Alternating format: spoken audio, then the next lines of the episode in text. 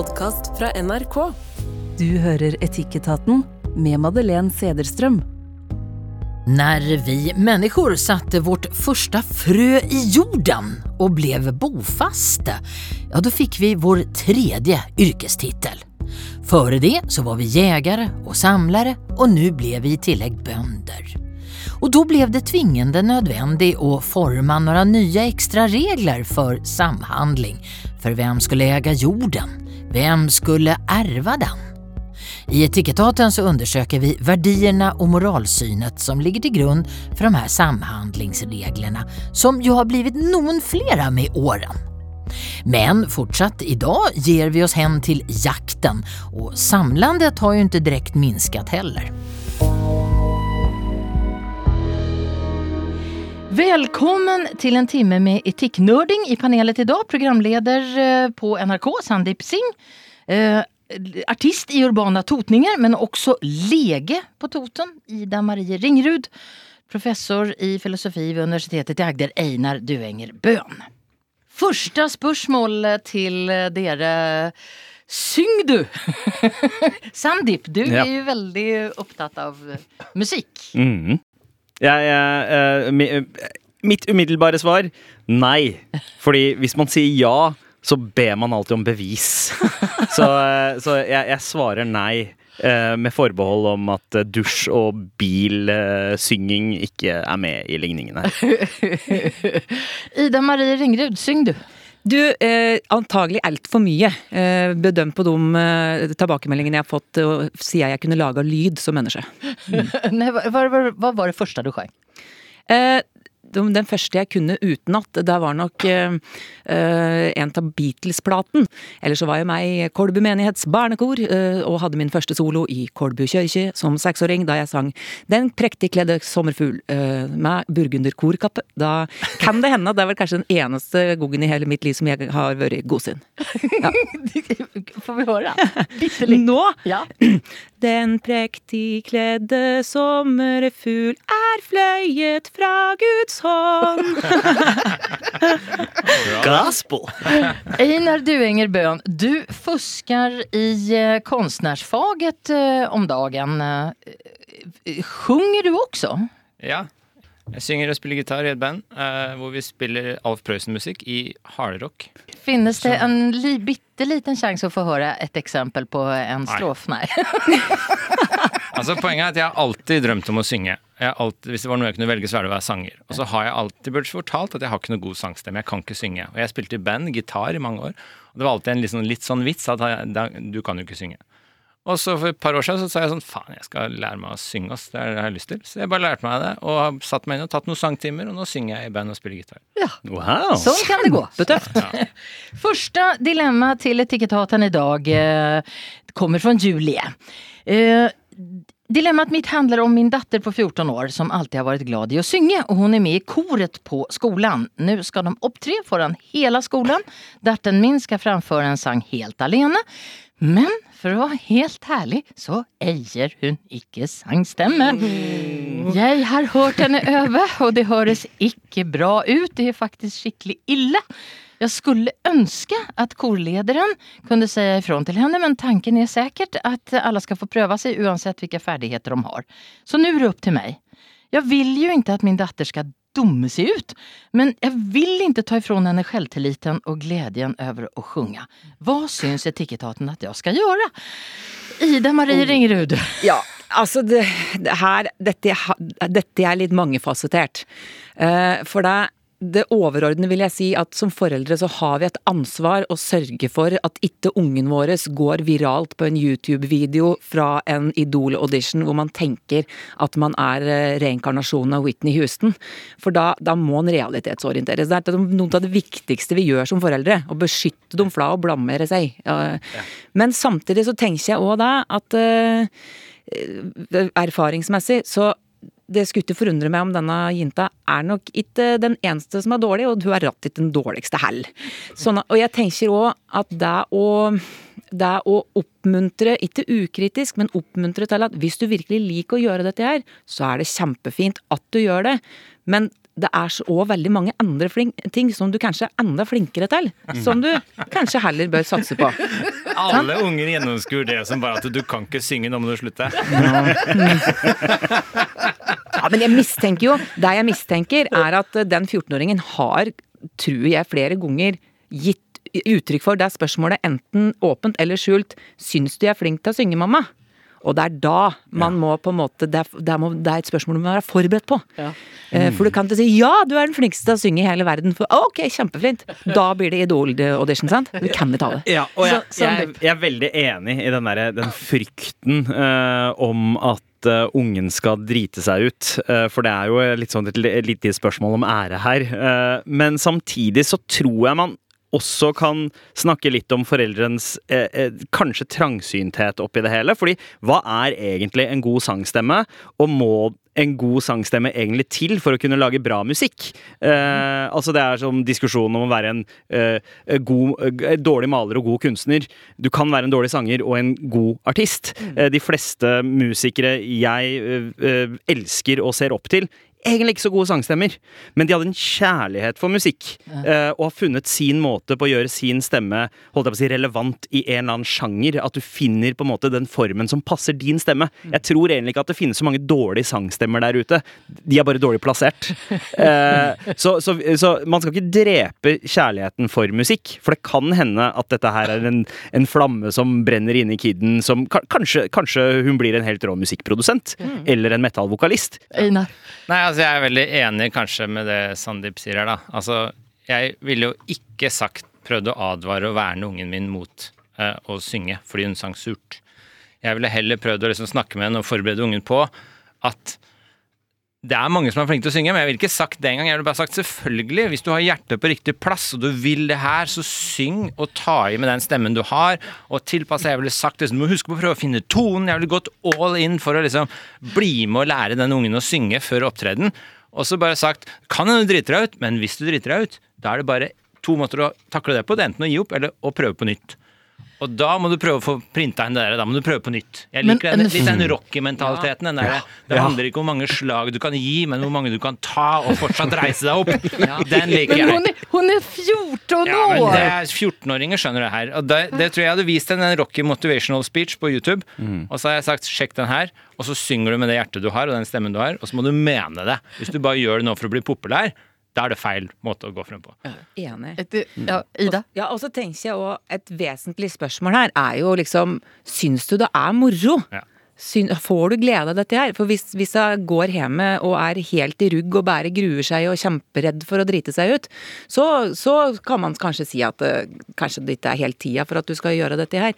Men det er mer for å beskytte hun uh, fra å ha en vond opplevelse, for det ikke er klar. Mer enn det at eh, 'å nei, hun synger ikke fint nok'. Og unnskyld meg, musikalitet og sangstemme, det går gjerne litt i arv. Ja. Så det kan hende at ikke mor er den første til å vurdere hva som høres bra ut og ikke. Unnskyld at jeg sier det. Ska vi... Men jeg, jeg tror det viktigste er, det tror jeg alle tre er enige om nå, ser det ut som, det er liksom å ikke kvele den der drømmen fordi mora skammer seg. Ikke sant? Altså, mora skam- må komme seg over den skammen, og så må dattera få gjøre det som er liksom riktig og, og føles bra og plassert, og så må du bare hjelpe så godt du kan til det. Og jeg tenker også, det som er viktig å si at da, det er at det, det du gjør på en scene, det, det skal ikke være perfekt. Det du skal gjøre fra en scene, det er å formidle noe. Sånn at du skal lage og skape en følelse inn i den som sitter og hører på, og sitter og får med seg dette her. Og det, spiller ingen rolle da om en synger surt. Altså Hvis det er en humoristisk sang, så få noen folk med på å flire. Det spiller ikke noen rolle. Er det, er det sørgelig, så liksom spille hva, Kinn det. Kinn hva du synger, og kinn og du skal, vil formidle. Det er jo der nøk nøkkelen ligger, da. Ja, da altså- kan det bli en YouTube-hit like så mye som en YouTube-utdritning, hvis hjertet er på riktig plass. Hør, hør. Ja, det er sant. Og, og nå som vi, eh, vi kommer til en tid der eh, mer og mer musikk eh, sannsynligvis kommer til å bli laget av KI, så kommer vi til å trenge de der menneskelige feilene for å gjenkjenne at det er et menneske bak. Og det kan hende at denne 14 år gamle dattera kommer til å bli pioneren i å synge så forferdelig at det umulig kan være KI som har laget det, og derfor vil vi elske det. I panelet idag programleder på NRK Sandeep Singh, eh, artist i Urbana Totninger og Lege Ida Marie Ringrud og professor i filosofi ved universitetet i Agder Einar Duenger Bøhn. Jeg heter Madeleine Cederström. Jakter du Ida Marie Ringrud? Nei. Absolutt ikke. Skulle aldri kunne tenke deg. Eh, jeg tror jeg kunne ha vært med eh, og sittet rundt leirbordet og, og, og tatt en snaps på kveld. Eh, og vært med, men jeg, jeg, jeg forstyrrer jo alle hele tida, så det er ingen som vil ha meg med. Sandeep? Nei. Nei. Nei. Har du aldri gjort? Nei, faktisk ikke. Det nærmeste jeg har vært uh, jakt, er å ha eh, blitt med på fisketur en gang. Uh, men, men bortsett fra det, eh, nei. Men jeg kan forstå at folk gjør det for mat. Einar? Eh, litt tvetydig, fordi jeg har jo tatt jegerprøven. Jeg har våpentillatelse, fått det fra politiet, eh, så jeg er sertifisert jeger. Eh, men jeg har ennå ikke vært på jakt. Men du lengter efter det? Ja, så jeg skal gjøre det nå for første gang i høst, på eh, småviltjakt. Spennende. Ja. Så, jeg, så, jeg, så jeg, liksom, jeg vil jo ikke si ja, jeg jakter, for jeg har ikke gjort det ennå. Men jeg har alle papirer på plass til å jakte nå i høst. Unnskyld meg, hva er småvilt? Er det rådyr og slik? Nei, det er storvilt. Å ja. Oh, ja. Så det er liksom rev og hare og fugl og Å ja. Harejakt. Ja, De der små søte dyrene du er keen på å drepe, altså. Det er. Noe som Alf Prøysen har laget sanger om. Alvild har skrevet till riktig. oss. Selv om jeg aldri kunne tenke meg å dra på jakt og drepe et dyr, så tror jeg det å falle for en kula er den mest humane måten eh, eh, man kan dø på for et dyr. Til tross for skadeskyting innimellom, så er jo sykdom, alderdom og det å bli spist av rovdyr en mye mer smertefull død. Beste hilsen Alvhild. Kjære panel, er jakt greit? Eh, vi har jo eh, fjernet de aller fleste rovdyr, uh, Sandeep. Eh, Kan vi gå ut og skyte litt sånn Ja, altså, eh, når man tenker på eh, eh, holdt jeg på å si, barmhjertighetsaspektet ved det, så er jeg jo kanskje litt enig i at hvis man først skal drepe et dyr, så er en kule rett i skallen et av de bedre det alternativene. er, det er ikke skallen du skyter på. Nei, det det er, det er, ja, eller hjertet, da. Ja. Ja, det er hjertet. Hjerte Men, men, men da tenker jeg liksom, da tar det litt tid før dyret dør, og det rekker å føle på frykt og smerte og sånne ting, kanskje. Eh, Og da, da er det ikke så fett. Men jeg snakker jo også litt av perspektivet av at jeg, jeg kommer fra Jeg har en sik sikh bakgrunn, da. Og uh, vi skal egentlig ikke spise kjøtt, men det er ikke forbudt så lenge det er eh, slaktet på, eh, på et vis som vi kaller tjartka. Det betyr altså instant, da. Eh, altså momentant. Eh, og det gjør man ved å halshugge dyret. Gjerne liksom Og det, det, dyret skal ikke rekke å føle på frykt. Så du Eh, koser litt grann med det? ja, så det er noen som på en måte Altså man, man, man, man leder det på en måte inn og koser litt med det, mens det er en annen som kommer litt sånn fra sida og bare pam. Eh, ikke sant? Så det er én som koser, og den andre Jeg har sett dette her én gang, og det er jo brutalt. men det er lett å bomme da, hvis han ja. ene sitter og koser. Ja, ja fordi, fordi altså, altså du, du holder på en måte rett ved. eh, det, og det er jo eh, veldig erfarne folk som driver med det her. Men eh, vi, altså det som er strengt forbudt for sikher, da, eh, det er jo å spise rituelt slaktet eh, kjøtt. Altså typ korser og halal. eh, på grunn av slaktemetoden. Eh, mener at det på en måte er eh, eh, Altså, holdt jeg på å si, eh, torturering av dyret, da. Eh, og eh, Så, så det, jeg, jeg, jeg har noen eh, innvendinger eh, mot det der. At ok, hvis man gjør det momentalt, og spesielt hvis det er for eh, mat, at det skal spises, Det er nødvendig. ja, eh, da er det innafor. Men sånn hobbyjakt det, det klarer jeg ikke helt å støtte, selv om det er dyr som på en måte er, så, har såpass store altså populations da, at eh, det er forsvarlig. Jeg syns det er litt rart at vi driver og skiller mellom at det er visse dyr som er OK å drepe, og noen dyr som ikke er OK å drepe. For jeg tror ikke at det er noen som ville ha syntes at det var OK å jakte på katter og hunder, men det er OK å jakte på dyr som liksom basically ligner helt. Det, fi- det finns några som syns att det är okej också. Ja, ja, ja. Ida Marie, du är ju född och uppvuxen på gård. Mm. Hvordan var det for deg eh, Det jaktades rundt deg? Absolutt. Altså, i, eller, i nærheten av en gard, da. Så jeg var jo med på mjølking og møkking og kalving og, og slakt fra jeg var lita, rett og slett. Eh, så jeg tror nok jeg har et ganske sånn, eh, sånn jorde- og realistisk forhold til dette her. Altså, eh, jeg kjenner jo veldig mange bønder og har vært veldig mye fjøs, og det jeg kan si er at eh, de dyra i, industrien, de har det rett og slett veldig bra. Altså, de blir tatt vare på, og eh, de blir sett etter på beite, og de, de har det generelt veldig bra. Og det er ingen som syns det er noe kult når slaktebilen kommer. Men det er òg litt sånn det er litt sånn, det er livets realiteter, rett og slett. Eh, og så må jeg si at jeg er helt enig med deg at eh, hvis du skal ta livet av et dyr, så bør det skje så fort og momentant og, og skånsomt som mulig. Og jeg har jo sjøl sett og, også, også en slaktepistol, for eksempel. Altså når de får på slik slaktemaske så de får en bolt rett i hjernestammen. Altså det er, det er eh, som å slå av en bryter. Så det er jo Jeg kan ikke skjønne noe annet enn at det nesten er koselig for dyret del. Nå erter du på deg halve Norge, Ida Marie. Nei, men jeg, jeg, jeg tenker Ta at på eh, slaktemaska, det er koselig. ja. Nei, men, eh, men jeg tenker sånn når, når det kommer til jakt òg, for uh, jeg tenker at vi skal ha en grunnleggende respekt for alt som lever. Vi skal ikke drepe noe bare fordi vi kan, vi skal drepe det fordi vi må. Altså også i, i hermetegn her. Som for eksempel, altså jeg, jeg slår i hjel mygg, men edderkopper, det, det drar det, tar ikke liv til deg. Jeg tar det med ut. Vi skal respekt for dyr. En djup respekt for alt som lever i naturen. Hvorfor ikke myggen? Eh, for den, eh, han angriper meg! Sjølforsvar. Det er irriterende! Men jeg tenker når det kommer til jakt, så er det òg sånn at vi har jo på mange måter eh, Nå prøver jeg å spille opp filosofen her. Vi har jo på mange måter sett et vesensskille mellom mennesker og dyr. Og når vi mennesker har satt oss over alle andre dyrearter, så og på mange, måter påvirker naturen så mye som vi har gjort, altså vi har tatt bort alle de store rovdyra i eh, villmarka i Norge i dag, så gir det litt falske forutsetninger for ganske mange av de dyreartene som lever i det som er villmarka.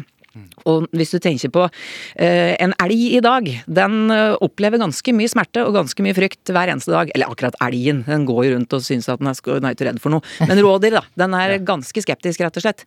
Så jeg tenker at det å bli eh, skutt av en kyndig jeger, det tenker jeg òg er en helt uh, grei måte å gå på når den første skal gå, da. Det er verre å tugge seg fast i piggtråd og bli liggende der, liksom. Altså, så jeg, jeg tenker òg det at eh, når vi ikke har noen begrensende faktorer i de store rovdyra, så har vi faktisk òg et ansvar, når det er vi som har laga den situasjonen, til å holde bestanden nede. For det er eh, spesielt med klovdyr, altså elg og rovdyr og, og, og rådyr og slik, så vil det være en sigmoid populasjonskurve. Altså den vil ha en ganske bratt, eh, bratt vekstøkning midt på, og så vil den flate ut på toppen. Og de begrensende faktorene når vi har tatt bort rovdyra, det er sykdom, det er sult, det er eh, ganske mye lidelse som holder den bestanden nede. Bilpåkjørsler er det Ja. veldig, veldig mange av. Jo, det er sånn, slik sett så er det vi som er rovdyra. Så det er, for å ha en, en, en sunn bestand, så må du inn og kontrollere bestanden. Men da må du gjøre det på en forsvarlig måte. Vi må vite hvor mange dyr sånn cirka det fins, vi må vite hvor mange vi da kan ta ut. Vi må, velge, vi, vi må vite ganske mye. Og det gjør vi i Norge i dag, så jeg støtter jo jakt helhjertet. Hadde aldri vern klart å trykke på avtrykkeren. Einar, du, eh, kommer du å finne glede i å drepe? Nei, det er helt feil spørsmål. Ja, det hviler okay. på helt feil forutsetninger. ikke sant? Altså, det er veldig vanlige spørsmål eh, at jegerne finner glede i å drepe. Sånn. Det er ikke det det går på.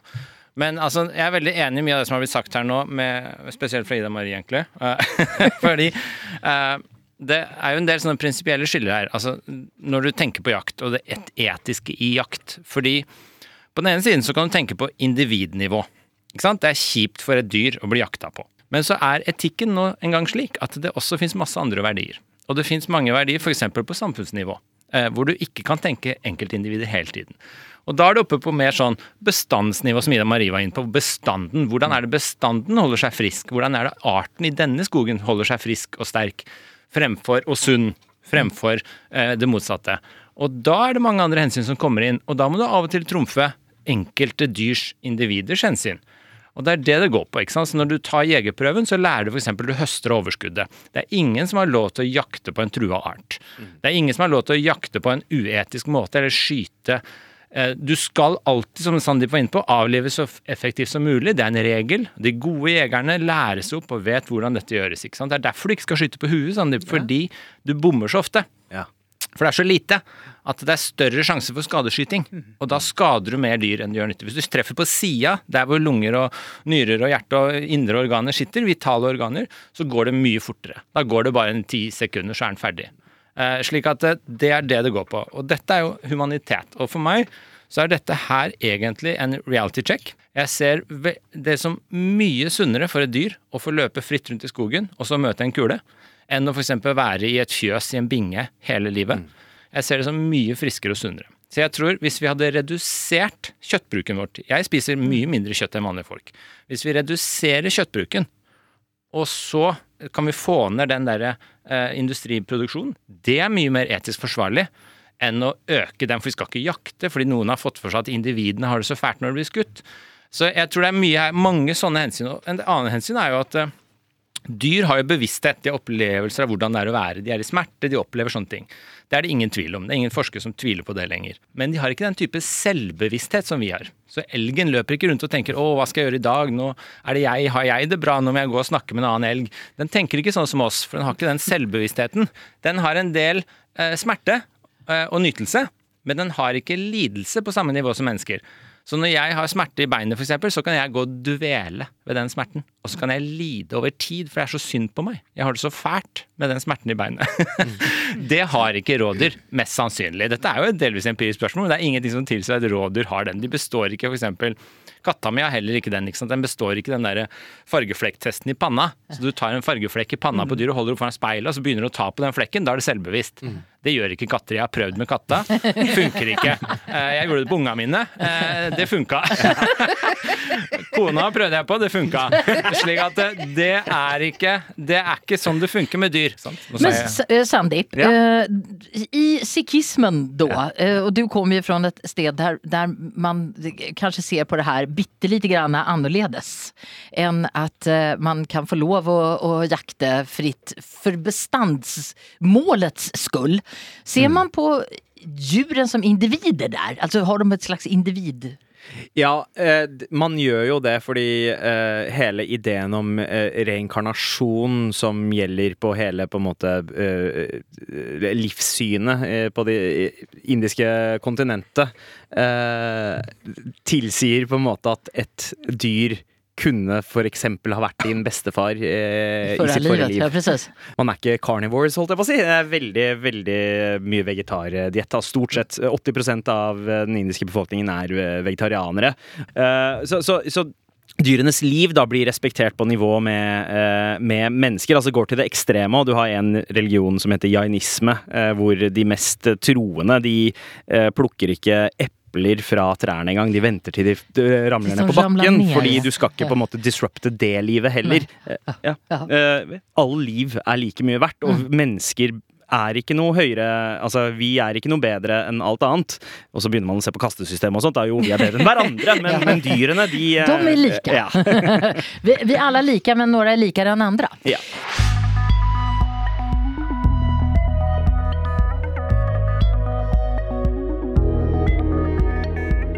Du lyssnar på Etikettaten och vi har i panelet idag programleder på NRK Sandeep Singh, artist i urbana totninger och lege Ida-Marie Ringrud och professor i filosofi vid universitetet i Agder Einar Duenger Bøhn. Jag heter Madeleine Cederström.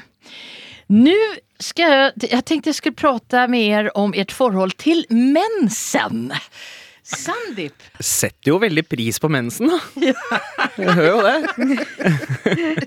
ja, fortell. Ja, altså, hadde noen av oss i det hele tatt vært her om det ikke var for mens?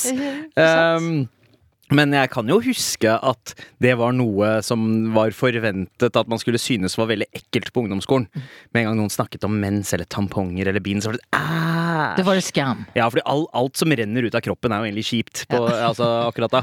Så, og i, i hvert fall hvis det er blod. Einar? Jeg har jeg satt og tenkte på det på veien hit. Jeg har vel ikke noe forhold til mensen. Altså, jeg husker bare mensen som det liksom kvinnen i huset, søsteren og moderen og sånne ting hadde av og til. Og så visste ikke vi så mye om det, og jeg vet fortsatt ikke så mye om det. Og det er veldig få som forteller meg veldig mye om det, og det, det jeg regner med det går sin gang.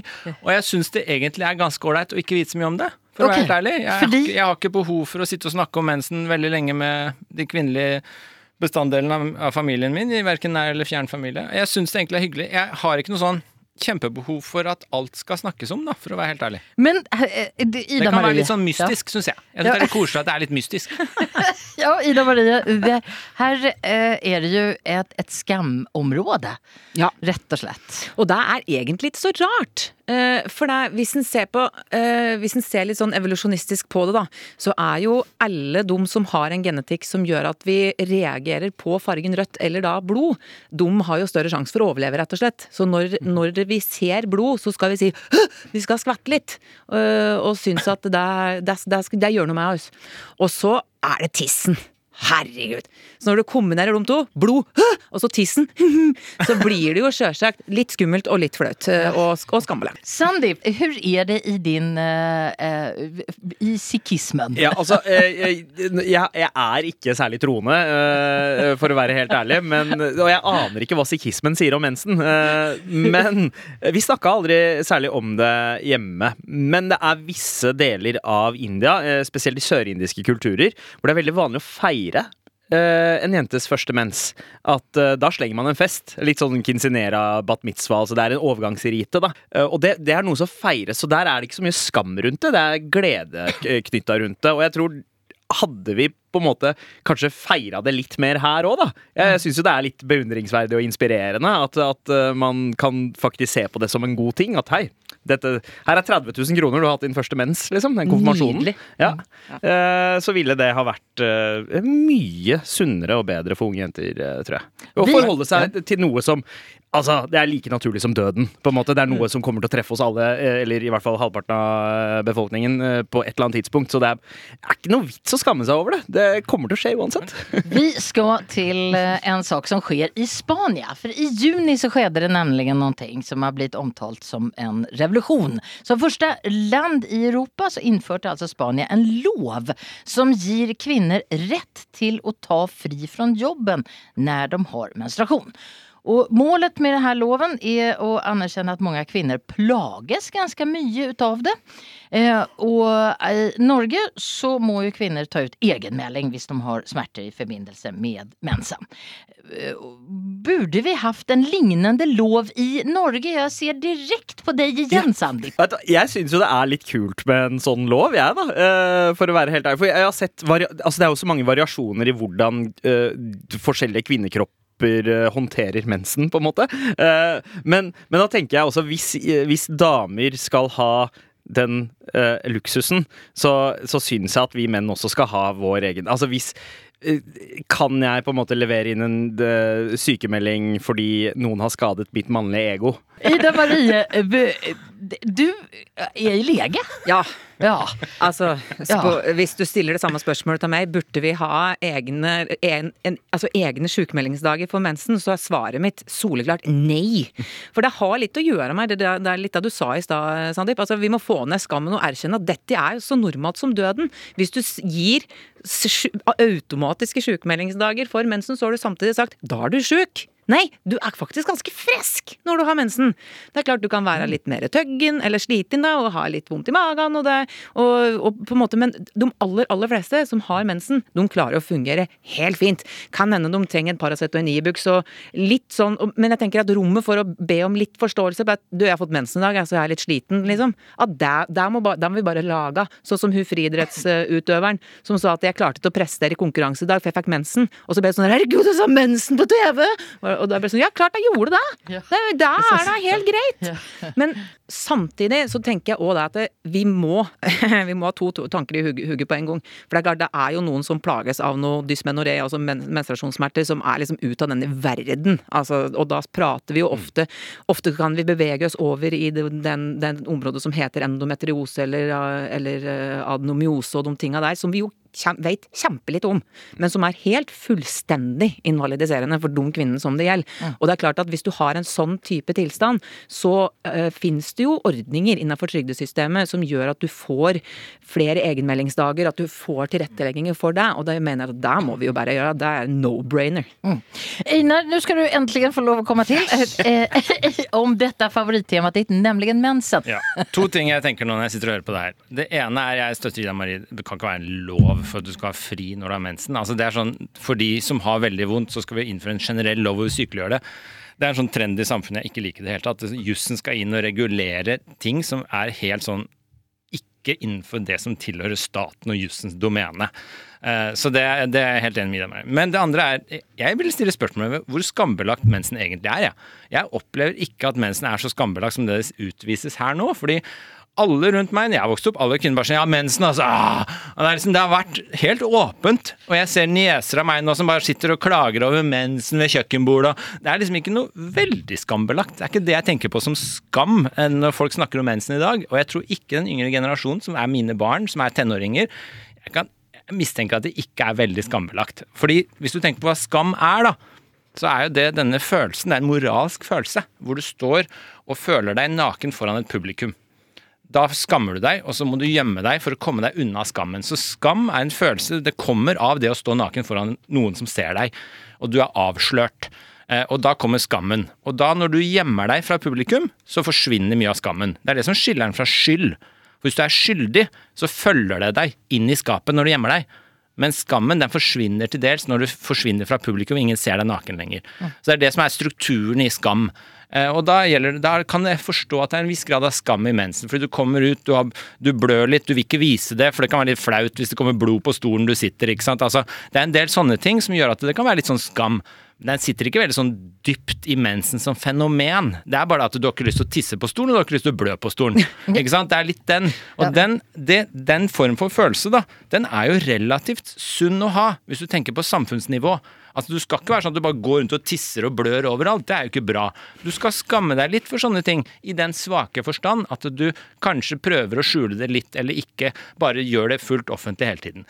Så jeg vil slå et slag for skammen her litt, men den svakere form for skam, for den stikker ikke veldig dypt, tror jeg, når det kommer til mensen som fenomen.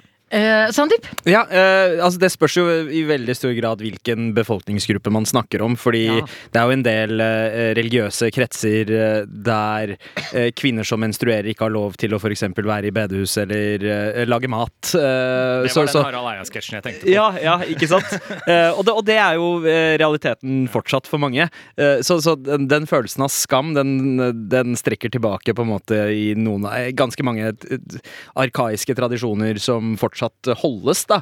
Eh, og, og derfor så er det viktig for spesielt jenter som vokser opp innafor de rammene, å bli eksponert for følelsen av å faktisk kunne være stolt av det eh, også. Eh, og jeg er helt enig med dere. Det der å sykeliggjøre eh, mensen generelt, det er et problem. Ida Marie? Ja, jeg tenker også som en, som en kommentar til dette her med, med skammen. Det er klart at eh, det å ha mensen i seg sjøl som fenomen, det tror jeg ikke er så skambelagt hos liksom, norske unge kvinner i 2023. Det er jeg enig med deg i. Men denne her frykten for å f.eks. blø igjennom, da. Det er jo noe som jeg tror alle kan kjenne seg igjen i. Én ting er fordi at Men det har jo ikke noe med mensen å gjøre som sådan. jo, det er det det har, mener jeg, da. For at eh, i det du blør igjennom, så er det sånn at da må du plutselig forholde deg til i plenum at du har kjønnsorganer. Ja. Og det er, og det er litt det samme som ikke å faktisk Nei, og det er faktisk litt det samme som å faktisk stå naken foran en gjeng med folk. Da, er det, da blir du på en måte eh, meg sjøl, og her er kjønnsorganet mitt som blør. Du lyssnar på Etikettaten i eh, panelet idag. Programleder eh, på NRK, Sandeep Singh, eh, artist i Bane Totninger, lege Ida Marie Ringrud och professor i filosofi vid universitetet i Agder, Einar Duenger Bøhn. Eh, vi skal till dagens mest alvorlige tema. I somras så snudde alltså den danska statsministern i spørsmålet om aktiv dødshjelp. Och i Danmark har man satt igång en utredning för det här. Vi har fått en mail som handlar delvis om det här. Ehm, Så jag tänkte att vi skulle börja faktiskt med att fråga efter ert förhåll till döden. Sandeep? Mitt forhold til døden er veldig eh, pragmatisk. Altså en veldig naturlig del av eh, holdt jeg på å si, vår eksistens. Alle opplever det. Og eh, det snakkes gjerne ikke om eh, som noe veldig trist eh, i indisk kultur. Det er på en måte en naturlig del av det, fordi man tenker, at, man tenker gjerne at eh, dette her er jo bare eh, ett brett i det store spillet. Ehm, så fordi livet går jo videre. Eh, og derfor har man et litt avmålt forhold eh, til, til død. Det er jo selvfølgelig trist, men det er trist for eh, de etterlatte. Ikke nødvendigvis for vedkommende. Men så er det også det at i, for sikher da, så er selvmord veldig eh, sett Altså, det er sett ned på. Eh, fordi det går mot naturen og universets plan. Fordi vi er eh, skjebnestyrt folk. Eh, og, det er å på en måte eh, rett og slett bryte med den store planen til eh, universets krefter om du velger å ta ditt eget liv. Og jeg tror også at man setter aktiv dødshjelp liksom er likstegn, da. Likhetstegn mellom aktiv dødshjelp og selvmord. Så ja, Ja, men der er jeg, og det skal sies, der er jeg uenig. Det er ikke, jeg, er veldig, holdt jeg på å si, uh, buff Altså, uh, kulturelt sett uh, så ser jeg på det som en buffé. Jeg plukker, plukker med de bitene jeg vil ha, og ikke det, det, ikke det andre. Og der tenker jeg også at på litt sånn individnivå igjen, i hvert fall for meg sjæl, at jeg romantiserer jo litt det, å kunne ha kontroll over min egen utgang fra livet. At uh, hvis det er sånn at jeg får en alvorlig diagnose, uh, så blir jo livet et uh, kaos som man ikke har kontroll på. Da er det veldig fint å kunne ha kontroll på noe, i det minste. og ikke overlate alt til tilfeldighetene. For eksempel hvis man får en ALS-diagnose, da, som er litt sånn da, da er det bare én vei ut, da. Eh, og det å kunne ha rom for å ta kontroll på utgangen sin, eh, for å ikke være en enorm byrde for de rundt deg, og ikke bli en liksom Og, og, og bare forderve gradvis når du veit at det er det som skal skje, så er jeg veldig for at det skal kunne være en mulighet. På individnivå er det det. Ja, ja, ja. Mm. Eh, Men så er det jo selvfølgelig eh, hva det kommuniserer som et prinsipp, da, eh, som kan være bekymringsverdig. For da kan man plutselig invitere det til andre, altså psykiske lidelser også, plutselig. Eh, Mm. At det skal være en vei ut da òg. Da begynner jeg å bli litt mer skeptisk igjen, da. Men, men ja. Ida Marie, du er både Ida Marie og så er du lege. Mm. Har du samme svar som lege som privatperson? Eh, nei, det er ganske diametralt forskjellig, egentlig. Eh, jeg syns at dette spørsmålet er noe som jeg Dette er noe jeg tenker over nesten hver eneste dag. Uh, og jeg konkluderer vel forskjellig hver eneste dag. For meg så er det, det et av de virkelig store uløselige etiske problemene. For det, det er så sterke og ubrytelige prinsipper og argumenter på hver side, Uh, og du kan ikke konkludere krystallklart på det ene eller det andre uten å bryte noe som i min verden er ukrenkelig, da. Eh, som lege så vil jeg si at livet er, eh, med fare for å, liksom bruke, låne religiøse termer, livet er hellig og ukrenkelig. Eh, menneskelivet skal vi gjøre alt vi kan for å eh, Altså, vi skal ha Vi skal gjøre alt vi kan for å for ha, at folk skal ha best mulig livskvalitet. Og i det tror jeg det innebærer minst mulig grad av, av angst, smerte og lidelse. Og størst mulig glede. størst mulig tilfredshet. Så er det jo sånn at uh, som lege Nå har jeg jo jobbet som lege i, i ti år. Uh, og jeg har til nå ikke møtt en eneste pasient, uavhengig av diagnose og, eller tilstand, som jeg ikke har vært i stand til å hjelpe. Altså med noe. Uh, det å lindre, det er å trøste, det er å kunne medisinere, det er å kunne eh, sette inn tiltak da, som gjør at til, til, tilværelsen blir bedre. Og du nevner ALS, og jeg tenker at da er det ganske mange som tenker at nei, får jeg det da, eh, da, det, da gidder jeg ikke, liksom.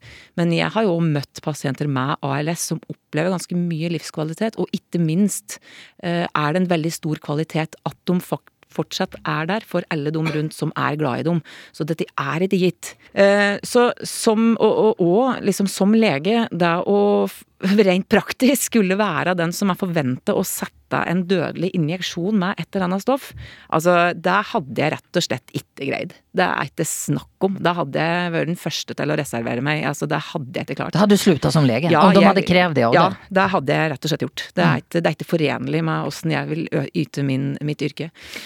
Eh, vi har ju alltså fått en mail. Eh, det är Sofie som skriver. Jag har en farmor som bor på psykhem. Hälsotillstånden hennes har förvärrat sig de sista åren. Jag besöker henne ofta, men det är väldigt vanskelig för mig att vara där. För farmor är djupt deprimert och selv om hon är gammal och skröplig så vi spiser det här henne upp invändig. Och det sista tiden har hon uttryckt väldigt ofta att hon önskar att dö. Eh, skulle vi ha givit eh, Sofies farmor en möjlighet till att uh, göra detta frivilligt att gå till en eh, lege som är villig till att sätta den sista sprutan. Einar. Det er jo, som Ida Marie sa, veldig stort spørsmål. Dette er et spørsmål som jeg ikke helt har landa på sjøl heller. Men her er det ganske interessant det som kom frem fra begge de, fordi, både Sandeep og Ida Marie. Fordi her igjen er det perspektiv det kommer an på, ikke sant. Altså hvis jeg som enkeltindivid Hvis jeg tenker på individnivå, da, så vil jeg føle det som nesten et overtramp at noen nekter meg å dø når jeg sier at jeg vil dø, for det er mitt liv. Men så er det jo fra samfunnsperspektivet hva slags signaler det sender, og det er en skråplanseffekt eh, man er bekymra for. At eh, når du senker terskelen for når du kan ta liv, så begynner det å skli ut. Så blir det psykiske lidelser, og så blir det alle mulige aldre, og så, så sklir det ut. Og foreløpig Vi diskuterte jo jakt tidligere, ikke sant. Det er ganske interessant at Ida Marie er for jakt, men er veldig mot aktiv dødshjelp. Eh, ikke sant? Eh, eller at mange leger er for å ta abort, men ikke for å hjelpe noen å dø. Og dette tror jeg handler om perspektiv. For hva slags signaler sender du? Jeg tror det kan være på samfunnsnivå veldig lurt å ha et sånn vi tar ikke liv, vi verner så lenge det lar seg gjøre. For det er ganske sånn, det trekker en klar grense. Men på individnivå så syns jeg det er veldig kjipt. eh, At ikke folk skal få lov til å få bestemme det selv. Så der er konflikten, sånn jeg ser det, i aktiv dødshjelp. Og da er spørsmålet om vi bør innføre det. Og da er jeg veldig i tvil. Jeg vet ikke. Jeg tror det er et delvis empirisk spørsmål. Så vi bør se til Sveits og Nederland som hvordan går det der, fordi de har innført det. Og så kan vi tenke hvor skal vi trekke grensen? Skal vi si at alle over 70 kan få tilbud om aktiv dødshjelp? Eh, eller skal vi tillate barn å få det òg, når de har psykiske lidelser? En deprimert 14-åring, ja, du kan få tilbud om å få Ikke sant? Da går det for langt. Slik at det er veldig vanskelig å trekke den grensen. Jeg tror det er et dilemma som ikke har noe godt svar. Og til syvende og sist så tror jeg det bare er veldig viktig å reflektere over det, og så må vi ha litt godt skjønn. Altså I noen tilfeller så mener jeg det er moralsk tillatt å aktivt hjelpe noen å dø. For det er jo forskjell på passiv og aktiv dødshjelp. Altså Mange leger foretar jo passiv dødshjelp hele tiden. De lar folk dø. Aktiv er at du setter sprøyta liksom for å avslutte fortere. Eh, og det er en grense som er også er veldig sånn viktig å tenke over. da. Men å ha godt skjønn, så tenker jeg det er moralsk tillatt i mange tilfeller å også sette sprøyter, faktisk. Det kan man forestille seg i mange kontekster hvor det er moralsk rett å hjelpe noen å dø. Men det er et helt annet spørsmål om det bør juridisk implementeres og tillates på systemnivå. Okej, Fordi da mener... oppstår en helt annen form for Ja. tankning og kald kynisme og systembyrå-nivå, som, er no, som sender signaler på et helt annet nivå enn det enkelttilfellet hvor du utøver skjønn hjemme i stua med bestemora di. Liksom. Ja. Ida Marie. Jeg vil, også, jeg vil også si noe om at uh, begge de to er ganske sånn tydelige på at uh, For det, da kan vi hende at vi plutselig begynner å tillate det på psykiske lidelser òg, og da er vi feil, feil ute. Men jeg tenker jo at det er jo å dra et litt sånn kunstig skille mellom hva som er somatisk eller fysisk sykdom, og hva som er psykisk eller psykiatrisk sykdom. Og hvis, man- hvis man måler livskvalitet, øh, opplevd livskvalitet hos folk, så er det jo virkelig sånn at øh, ofte de de med alvorlig psykiatrisk sykdom som er kronisk og livsvarig, de, de rapporterer om betydelig dårligere livskvalitet og betydelig mer symptomintensitet og lidelse enn folk med til dels ganske alvorlige somatiske diagnoser, som, som ikke har psykiatriske utfordringer. Så, men et, et, et annet poeng òg, for meg som privatperson, så kjenner jeg jo det at det, min autonomi, min rett til å bestemme over absolutt alle elementer ved mitt liv, det er eh, noe av det som står aller øverst, som, eh, som er så hellig for meg, rett og slett. At det vil jeg aldri fire på. Det og ytringsfriheten min. Det er liksom to ting som bare Der går vi liksom ned med, med knytta neve og flagget til topps. At eh, den, den dør vi for. Du lyssnar på Etikettaten och vi har i panelet idag programledare på NRK Sandeep Singh, artist i urbana totninger och lege Ida-Marie Ringerud och professor i filosofi vid universitetet i Agder Einar Duenger Bøhn. Jag heter Madeleine Cederström.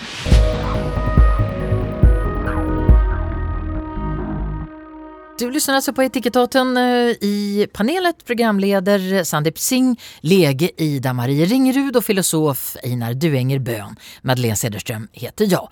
Nu har vi pratat om den aktiva dödshjälpen men jag tänker att vi ska dela Sofies dilemma i to. Hon har alltså en farmor som gärna vill dö egentligen. Och eh, i sin mail så skriver hon också så här. Ska vi som är runt farmor nu, barn och barnbarn, sätta in stötet och ihärdigt jobba på och få henne på bedre tanker och bruka av vår energi och tid för att kämpa för att hon ska komma sig ut av det här? Det føles kynisk å la være å hjelpe, men kommer hun at få det bedre? Jeg undres, og kan börja med dig Sandip. Du kommer ju från en kultur där man verkligen har respekt för de äldre. Ja, altså det å eh, Det er vel kanskje litt sånn at eh, foreldre og besteforeldre føler at de har på en måte ofret så mye. Altså hei, nå har dere gjort eh, Dere gjorde livet mitt til et helvete de første 20 årene av deres liv. Nå skal jeg gjøre de siste 20 årene deres til et helvete ved at dere passer på meg helt til jeg stryker. Men jeg, altså, jeg sa jo det til mamma da jeg var kid, da hun alltid maste hva skal det bli av deg når du blir stor? Hva er det du, hva, liksom, er det du kommer til å til? Altså, jeg skal bli den første inderen i Norge til å sende moren sin på gamlehjem. Uh, og uh, tenker, det er en hedersbetegnelse, det òg, kanskje. Uh, men, men jeg er jo Jeg, jeg syns jo at det er Hva sa hun da? Nei, da maste hun ikke så mye mer, da. Så fikk jeg lov til å studere medier og kommunikasjon og sånne ting. Så, men, men jeg, jeg, jeg syns at det er noe veldig fint med dette med at man uh, i ko kollektivistiske samfunn, da, der hvor myndighetene på en måte ikke gjør noe som helst uh, for å ta vare på sine, så er man jo avhengig av at familien gjør det. Uh, og det blir jo en ekstrem kontrast til, til å vokse opp i et land som Norge, hvor man på en måte ikke nødvendigvis trenger å ta vare på hverandre fordi hei, myndighetene, det er meninga at de skal gjøre det. Så, så syns jeg at Altså, det er jo visse ting, og jeg forstår veldig at hun syns det er kjipt å se eh, farmoren sin eh, slite der, men at hun ikke klarer å gjøre noe selv. Eh, her tenker jeg litt sånn eh, inspirert av det Einar sa angående det å kanskje få henne til å føle seg eh, ikke som en byrde, men som en slags ressurs, er jo på en måte OK. Bestemor, jeg forstår at du har lyst til å dø, men før du på en måte stikker herfra, så har jeg ett prosjekt lyst, øh, jeg vil at vi skal gjøre sammen. Og det kan være eksempel noe n- som å dokumentere livet hennes, da. Før, før snakke litt om livet. Altså Kanskje du har lyst til å skrive noe om det. Eh, I hvert fall lat som at du har lyst til å gjøre det.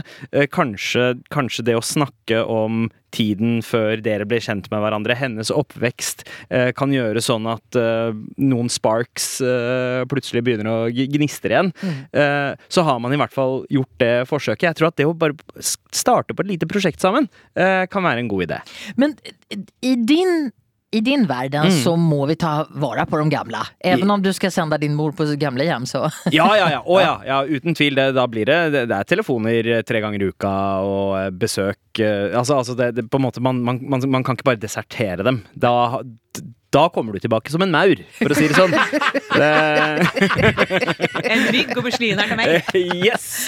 Uh, Einar, de- den her forestillingen om at man, kan, uh, at man bare har ansvar for sitt eget liv og ikke for sine foreldres og besteforeldres liv. eh, eh, ja, når begynte va- när, när, när började den? Jeg, jeg er jo, jo eldre jeg blir, jo mer blir jeg mer sånn som Sandeep beskriver, da.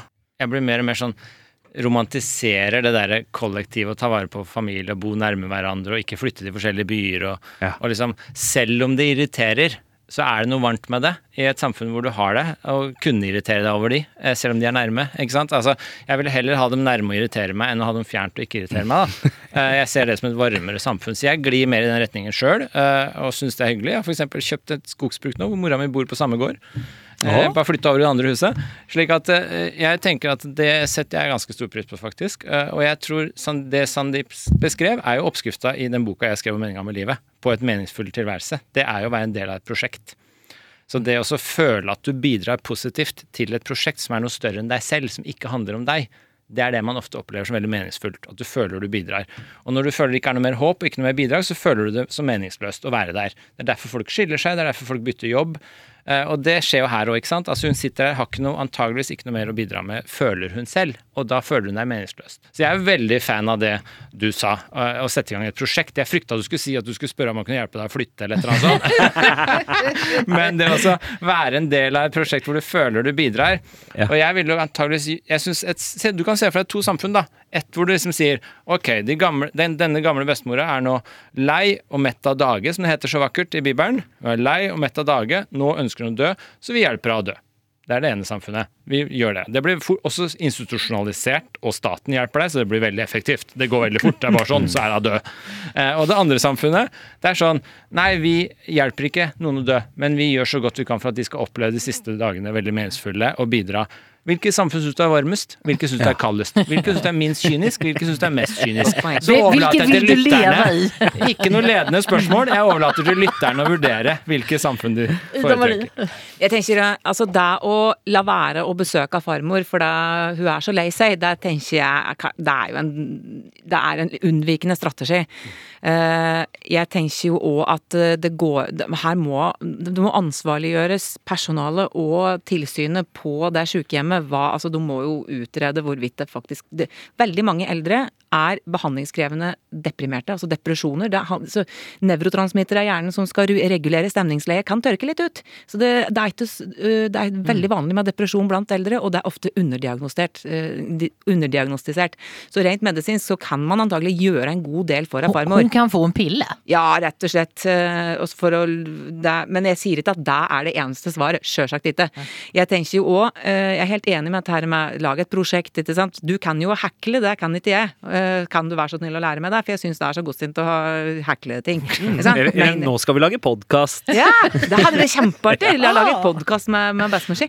Men, men jeg tenker òg litt mot deg, ikke sant. At eh, ja, vi skal ta vare på den. Jeg er jo vokst opp på bygda der jeg hadde, jeg hadde også bestemor vegg i vegg. Ikke sant. Jeg var jo der, og eh, om ikke hun var hjemme, så gikk jeg allikevel likevel og tok meg skive, liksom. Altså det var eh, litt sånn mi kassa, to kassa, denne her storfamilien, litt den følelsen der. Men samtidig så tenker jeg òg det at eh, hver og en er jo til sjuende og sist ansvarlig for seg sjøl. Det er mitt ansvar å sørge for at jeg gjør valg i mitt liv som gjør at jeg får det bra, og at jeg har en tilværelse som jeg kan leve i, og at jeg òg ber om hjelp når jeg trenger det. Det, det er ikke sånn at ting jeg gjør eller sier jeg, jeg har ikke så høye tanker om meg sjøl at jeg tror at det direkte påvirker den som, den som er eh, sammen med meg, da, på en måte. Med mindre jeg er, prøver, å være, prøver, går inn for å være ordentlig slem, sjølsagt. Men jeg gjør jo ikke det. Men det, det er noe med at det, det er ikke Sofie sitt ansvar at farmor skal ha det bra. Det er til sjuende og sist farmor og institusjonen sjøl. Men det, hun, må, hun, må, hun må følge opp. Det her store, gosne, fina storsamfundet der, Mm. der vi bor allihopa under samme tak eh, og mange generasjoner, generationer och tar vare på hverandre enda tills eh, man puster ut. Eh, der gikk ikke kvinnene på jobb. Nei, det gjør de ikke. Det, er- og det, det er én ting. Eh, og så er det òg at eh, de som er hjemme eh, med liksom, du vet, kroniske smerter og lidelser og sånn, de, de får ikke nok medisiner. Altså, De går og har fryktelig mye vondt hele tida og blir underbehandlet. Så jeg tenker jo det at det er, det er ikke bare liksom grønne enger og harmoni med det å ha metta generasjoner under samme tak og sette mor som eh, ansvarlig for at eh, alle skal ha det bra, som sliter seg ut og blir frustrert. Det tror jeg ikke. Nei? Nei, altså jeg, jeg er jeg er helt enig i disse nyansene, selvfølgelig. Det er jo kloke refleksjoner fra legen her. Men, men jeg tror det er veldig viktig å tenke igjen altså Det er individnivå, og så er det samfunnsnivå. Det er veldig viktig å ikke glemme at det er begge perspektivene her. fordi det er noe med Hva slags verdier har man i et samfunn hvor alt institusjonaliseres og systematiseres, og det ikke er noen, har noe personlig ansvar for noen andre? Versus et samfunn hvor du føler moralske forpliktelser mot andre eh, fordi strukturene ikke gjør det. Eh, og det er noen verdier som florerer der. og vi, det, På begge sider så er det positive og negative ting som glipper og kommer, men det er viktig å tenke på veldig mange som f.eks. har da tatt seg av de eldre de siste to åra, vært veldig mye hjemme eller jobba mye på ettermiddagen, tatt seg av sine eldre de siste to åra. Det er veldig ofte i ettertid så er det ikke sånn at de ikke har lært noe av det, ikke har tjent på det, ikke har fått noen gode verdier ut av det, ikke har tenkt selv om det var jævlig irriterende når det pågikk. Slik at jeg tror det er en del sånne verdier i perspektivet etterpå. Det er akkurat som veldig mange sjuke etter sykdommen har blitt friske igjen, så sier de jeg ville ikke vært den sykdommen foruten. Sandip?